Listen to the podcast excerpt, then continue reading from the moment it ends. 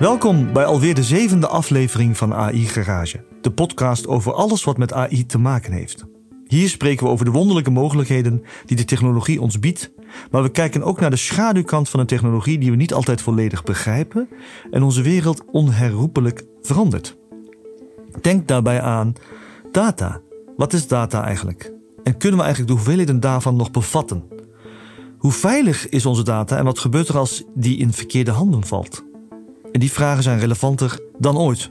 Zeker nu we zien dat oorlog niet alleen maar in de fysieke wereld plaatsvindt. Oorlog draait om informatie, data en manipulatie van de werkelijkheid. Kortom, genoeg om eens uitgebreid over te spreken en dat doen we in deze aflevering. Ik ben Edin Satjan en je host bij deze podcast. Vandaag achter de microfoon Mark Madsen, onderzoeker en docent bij Fonds Hogeschool ICT en frequent spreker op het Geopolitics and Global Future Symposium van de Geneva Center for Security Policy. Hallo. I'm switching to English here and will give Mark the opportunity to introduce himself briefly. Hi, I'm Mark Madsen. I'm a lecturer in ICT at Fontis, FHICT. Um, my background is in actually mathematical computer science originally, and I moved into doing research for commercial commercial firms, and I then became a consultant to um, a range of global organizations on data management, data security, data policy, and how to use information to transform businesses. Uh, in the course of that, I became very interested in, in the prospects and opportunities that are, that are created by big data. And we'll talk more about big data, I'm sure, but that's kind of why I'm here today.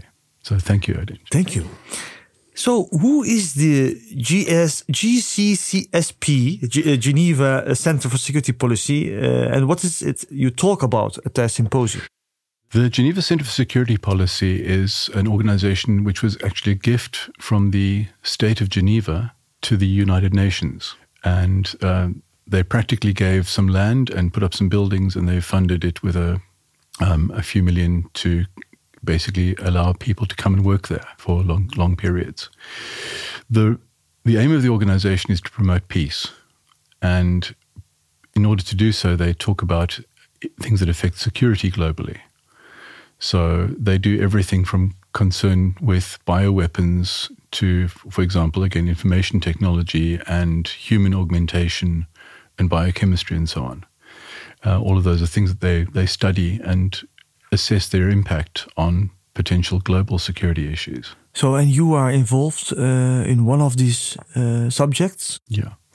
The, uh, the Geopolitics and Global Futures Forum is a, is a, a thread that runs through Geneva Center for Security Policy Research.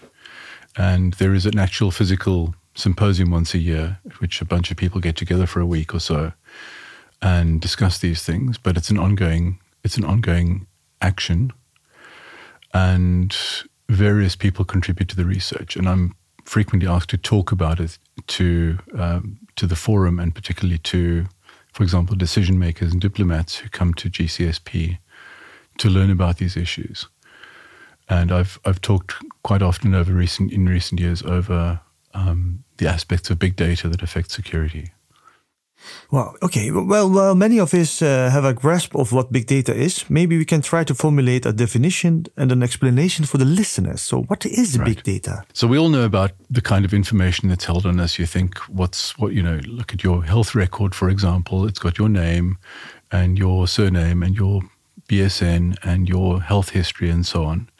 That's an individual record. But then you start adding those up into the millions. We've got 18 or 20 million people here in the Netherlands, each of whom has a health record, and you start seeing the, the, the scale of the data. Um, also, there are automated systems that capture data that aren't entered, data that isn't entered by humans, but is captured by machines. So, for example, you have air quality sensors placed all, all over Europe, and those are just sitting gathering data and writing that data into databases. So what you've got is very, very large databases that are basically beyond the scale of being able to be analyzed by humans. Right? We have to use other machinery, other other systems to analyze that data. And frequently we're actually using AI to analyze those data to see patterns in them that we can't see ourselves, that aren't, aren't immediately evident. So uh, we we often think that data is just data. Yeah. But why should we talk about data in a context of geopolitics? Because data, it's a very fine question, I want to say, firstly. It's the, the key question here. And the, the really interesting part about it is that as I say, on these scales, data actually starts to reveal information that we may find unexpected. So, for example, if we have a large database that, for example, captures uh, traffic information with license plates, but we also cross reference that with another very large database that actually references mobile phone locations. I can start to tell you which people were in which car at which time passing under which bridge. And I can possibly extrapolate that people are in, involved in illegal activities or I can track the progress of, for example, charity deliveries and see that everything is getting to to the, the, the destination point. If I was doing this in, in a different context, there are different ways in which you can use the big data to uh, either control or to analyze what's going on. And as I say, some of these are emergent and surprising. And when we use AI to analyze data, we start seeing patterns we may not have expected to ask for. One of the things about humans analyzing data is we actually say, well, is there a pattern like this? Is there a pattern like this? AIs are very good at finding answers to questions that we didn't think to ask. Do, do, do you have an example?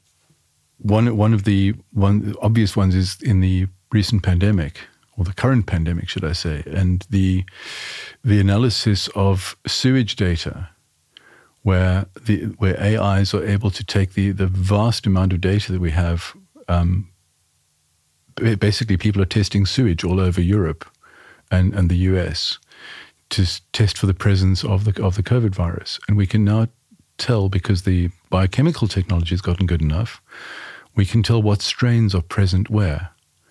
And so we can start to begin to understand um, using AI how those strains are spreading above ground from what we're detecting in the sewage pipes. Great, eh? What we have. That's an amazing opportunity. Yeah. If you if you use it in the right way. In the right um, way. How is big data affecting our personal lives? I mean, this is maybe the government or the uh, the health agencies, etc. But there's an example. I mean, and do you have an example of our personal life? It's another very important question, and big data affects our lives in ways that we possibly aren't always conscious of. We do we do sometimes see them and complain about them. For example, the kind of advertising you get targeted at you because Facebook and Twitter and so on are gathering information about your behavior, your conversations, your interactions online. And those are also big data collections. You know, Facebook has, what, 3 billion users registered? Probably there's some duplicates, but even so, it's a lot of a lot of accounts that can be tracked and uh, and measured. In in positive ways, as you say, there is there are things like like healthcare, where the government can start aggregating and seeing okay, we actually discover that, you know, rheumatoid arthritis is more common in this geographical segment as well as this age segment, and we can we can begin to take action on that, allocating resources where they're best used, rather than just spending the amount the, the same amount of money across everywhere. So, like I said, there are there are swings and roundabouts. There are pluses and minuses, and it can be a good thing, it can be a bad thing, but really, it's ultimately like many technologies. It's up to us to do with it what we want to do. Yes, that's a uh, very uh, uh, important conclusion, uh, and that's also the tricky part. Uh, if yes, uh, if, if, if somebody who has some bad intentions use it, then we see the bad results about it. And that's where I think policy comes in. We have to actually have ways of controlling the way that the ways that our data are used, the way that anyone uses data or accesses data uh, data is a very valuable resource in, in some view. It's the same as digging gas out of the ground, is digging data out of people. You know, you can choose to leave it there or you can choose to take it out and accept the consequences. And if you use it, you can make good use of it or bad use of it. The really interesting thing, I think, is that we have to decide what is acceptable in the way that we use we use the data, and also then we have to have regulations that control how that data is used. On the personal level, for example, we have the GDPR, which came into force uh, a few years ago, and which controls what companies can legally do with your personal in- information. and that, that delimits them. And it is actually a very effective piece of legislation as such.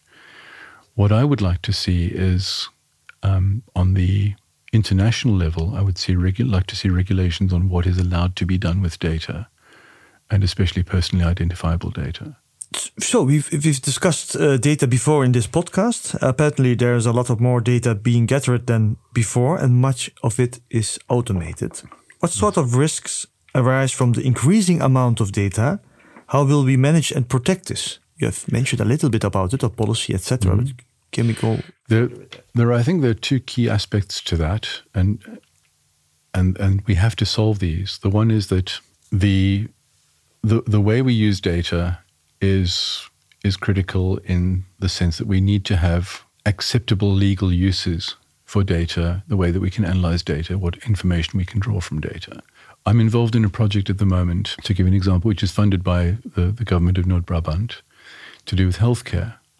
And what we would like to do is we would like to get the best possible healthcare outcome for the, the nation as a whole or from the, for the region. So we'd like to be able to aggregate healthcare data to, to say, we are going to have to plan for this many cases of typhoid, this many cases of flu, and, and as I say, use the money effectively.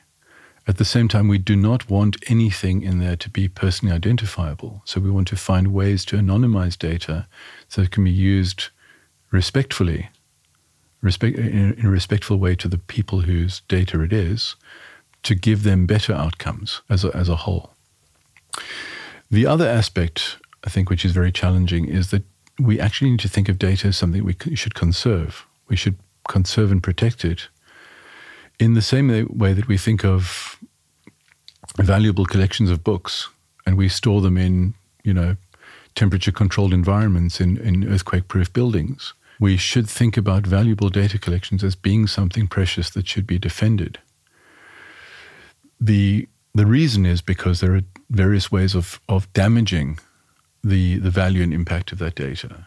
Um, data can be polluted in the same way that water or air can be polluted. If we inject misinformation into a data set, we've devalued the data set itself and made it less useful. Uh, a clear example is we have always probably I, I, I, grew up trusting the news to a large extent in the sense that the news was curated and provided by professionals and they may have had a bias but I knew what that bias was. It was explicit. Now, when we have any kind of made up information being presented as news, uh, bad faith players are able to inject illegitimate news, uh, incorrect news, into the news stream. And this has consequences. It has, ha- has had consequences, for example, in the 2016 US election, in the uh, the Capitol riots of of um, last year. The Brexit was largely a result of a misinformation campaign. I read this morning that according to Fox News, we are engaged in basically a civil war in the Netherlands with uh, farmers occupying city centres and people people burning down public edifices. And this clearly is not what's happening, but it's part of the current narrative simply because somebody is able to inject incorrect data into the stream. As I say, imagine if healthcare records, we, we said, well, most of them are correct, but 90% of them, you know, 90% of them contain an error. How would that be? We'd have to start gathering the data again or verifying it again or cleaning it again. So we need to find ways to actually protect data as a, as a valuable resource. Wow, you're, you're telling really uh, sometimes scary, but also really interesting uh, things. Uh, we can talk about one of each topic. I think we can fill in a podcast uh, quite easily. So, but we are in we are behind. We are using data already and in large amounts, and uh, thinking about policy and laws, etc. And and uh, saving uh, data in a you know secured uh, environment. Do you do you think it's too late for us? I don't think it's too late. I think what we we have allowed a certain amount of wild west to go on. Uh, we've we've got the very large data collectors like Google and Facebook and Apple and Amazon doing it almost unconstrained, and that's not acceptable. and I do think it needs to be brought under control. But I, I do think that the, the history shows that when it comes to information technology, governments, especially governments cooperating at a, at a, at a global level, can actually rein in these wild tech companies. So there is there is precedent for this to work. Um, I think, however, it's an ongoing it's an ongoing dialogue. We always have to be making ourselves heard in the sense of what we as individuals want. And I think it's it's almost a given that every individual would like information technology to make their life easier, happier, safer. And the problem occurs when these large tech organizations have goals which are at odds with those. When Facebook is prepared to sell my marketing data to to a, a bad faith player who's going to spam me, it does not make me happier. It makes me unhappier. And they're doing it purely for their profit. Do they need to do that? I don't think so. And I, should they be allowed to do that? I absolutely believe not. If we move into current affairs, I think mm-hmm. uh, everybody, uh, everyone has heard this term cyber war. Yes which is something that invisibly has taken place between Russia and formerly subjugated nations like Estonia after mm-hmm. the Cold War. Yeah. In what way is cyber warfare a continuity from Cold War, war warfare? That's interesting. I, I, have an issue with the term cyber warfare. It's it's, it's widely used, but I, I think it, it might actually be inaccurate in many ways. And I've I've um, had this what's, what's I've had this discussion before. Let me let me explain. I think uh, cyber warfare implies that there's a, a conflict involved, but not everything is con- is actual conflict. So, what we call cyber warfare is really an attempt to inconvenience other people. It's to, um, like I say, inject misinformation into their systems, block them from access to good information, see if we can bring their systems down, and and and make it harder for them to to benefit from those systems. But it's also things like getting into their systems and taking copies of their information so we know what they know. I think the truth is that most of this comes under what, what we used to call espionage. That a lot of what we think of as cyber warfare is really not actual outright warfare, but simply the, the normal activity of intelligence gathering and, um, like I say, causing inconvenience for the other side that is normal amongst otherwise civilized nations in, in peacetime even nations that might be considered partners, for example, I'm sure that France and Germany spy on each other quite happily, um, and they conduct cyber espionage. So I think most of cyber warfare is really cyber cyber espionage, and very little of it is actually warfare. And I think the reason for the, the reason I see that distinction is because we probably wouldn't start shooting at somebody just because they brought our systems down. Okay, where it has been associated with warfare, uh, you mentioned the, the, Estonian conflict, which is a, an interesting one. Uh, but in fact, in the, the Georgian war, Russia Russia versus Georgia, two thousand and eight, um, the Russians did actually make sure to bring down all the Georgian systems before the actual shooting war started. So it was more an adjunct to warfare. But if we accept that there is such a thing as as cyber conflict of of any kind, whether it be cyber warfare or, or not, um, it, it does have a very large impact, again, on the way that we see global security and global security policy. And in the same way that we think, would we start a shooting war because of a border, small border violation? We might also say, well, at what stage does cyber warfare be, become something where we start shooting back? Do you have an answer? I don't have an answer to that. I'm not a poli- I'm ultimately not a politician. I'm a concerned individual, and I would rather that nothing causes any excessive shooting. But uh, we have to we have to recognize the possibility that, that, that, there are things that will tip politicians into into conflict. Let's go on for, with this. In the current war in Ukraine, mm-hmm. we see that there's a physical warfare, yes. but like multiple conflicts in the last years, it's also a media and information war. You have mentioned that before, but Indeed. how big of a part does data and by extent AI play in this? It plays a, a very interesting part. I think um, I wouldn't say, a, from what I've learned, not a decisive role, but I think that uh, certainly on the Ukrainian side, there is a very strong use of AI and um, cyber technology to gather information which which can be acted on militarily. For example, I know that there were there were methods used to intercept communications at one stage, which led to the Ukrainians defeating a, an attempt by the Russians to cross the the uh, the Donetsk, um, and we we saw pictures of destroyed tanks at, at, a, at an attempted crossing, and that that apparently that intel was gained by somebody on the Ukrainian side managing to intrude into the Russian information network. So yes, there are there are military uses and, and reasons to to conduct these cyber operations. On the other hand, we've seen um, a lot of, as you say, disinformation being spread, which which in our case has been largely contained by the fact that a lot of Russian uh, Russian networks have been cut off from the West. So we have seen we, we saw initially a lot of um, misinformation being spread via YouTube by by Russian players, but that's actually diminished because they've simply been cut off at the source. So we're not really seeing what the Russians are thinking at this stage. How do we more move forward from here? Uh, what risks do we mitigate and how do we go about this? Uh, how do we make sure our use of these technologies is safe? I think this, the problem is is very much the same as when we try to understand what we should do about fossil fuels or what we should do about road safety. Um, we have to decide what's acceptable, what's not acceptable, uh, what kind of world we want to ultimately have. But we always make some trade-offs, right? We we do accept that if we provide certain commercial players with our personal information, they will use it to spam us with advertising. We do accept that road travel is very convenient, but a certain number of people will die each year. We try to minimize that, but we, we could minimize it by making it more inconvenient, or we could make it more convenient by accepting more casualties. We, we, we tend to find as a society what our acceptable line is. I think this, just the same is true here of, uh, of cybernetic aspects of the world. But in terms of information, I think what's important is that everybody have a good understanding of what's going on. Um, we can't make decisions in a vacuum, and in a society, we need to we need all to take responsibility for understanding what the consequences of, for example, allowing free access to data would be, or of allowing our data to become polluted, and decide what what kind of effort, what kind of money we're prepared to spend to prevent those things from happening.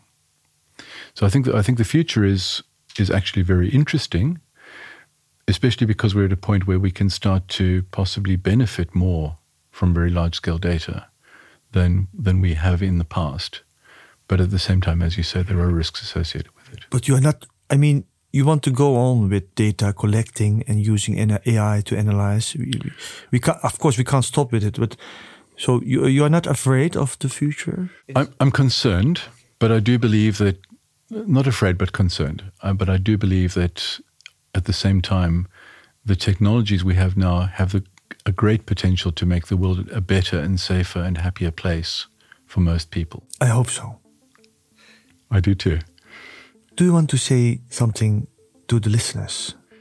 Um, I just want to say, firstly, thank you, thank you for your attention, and thank you for listening this far. And um, it's not really hard to educate yourself about the issues. And I would encourage listeners to make some effort to understand what the consequences of having very large data sets, big data, and having AI to manage that data actually will, what those consequences will be for us. And therefore to be be able to participate effectively in decision making in the future. That's it. Thank you. Thank you very much. I learned a lot. AI en big data doen veel met onze wereld, maar zijn ook transformatief van aard op negatieve vlakken. Om te zorgen dat onze toekomst veilig is, de inzet van technologie betrouwbaar is en daarmee onze samenleving duurzaam blijft ontwikkelen, is nog veel werk nodig. Data ontsluiten door visualisaties, grip krijgen op data en AI, onderwijs, daar leggen we het fundament voor die toekomst. Beste luisteraars, bedankt voor jullie aandacht. We hopen dat jullie er weer bij zijn voor onze volgende aflevering. Tot dan.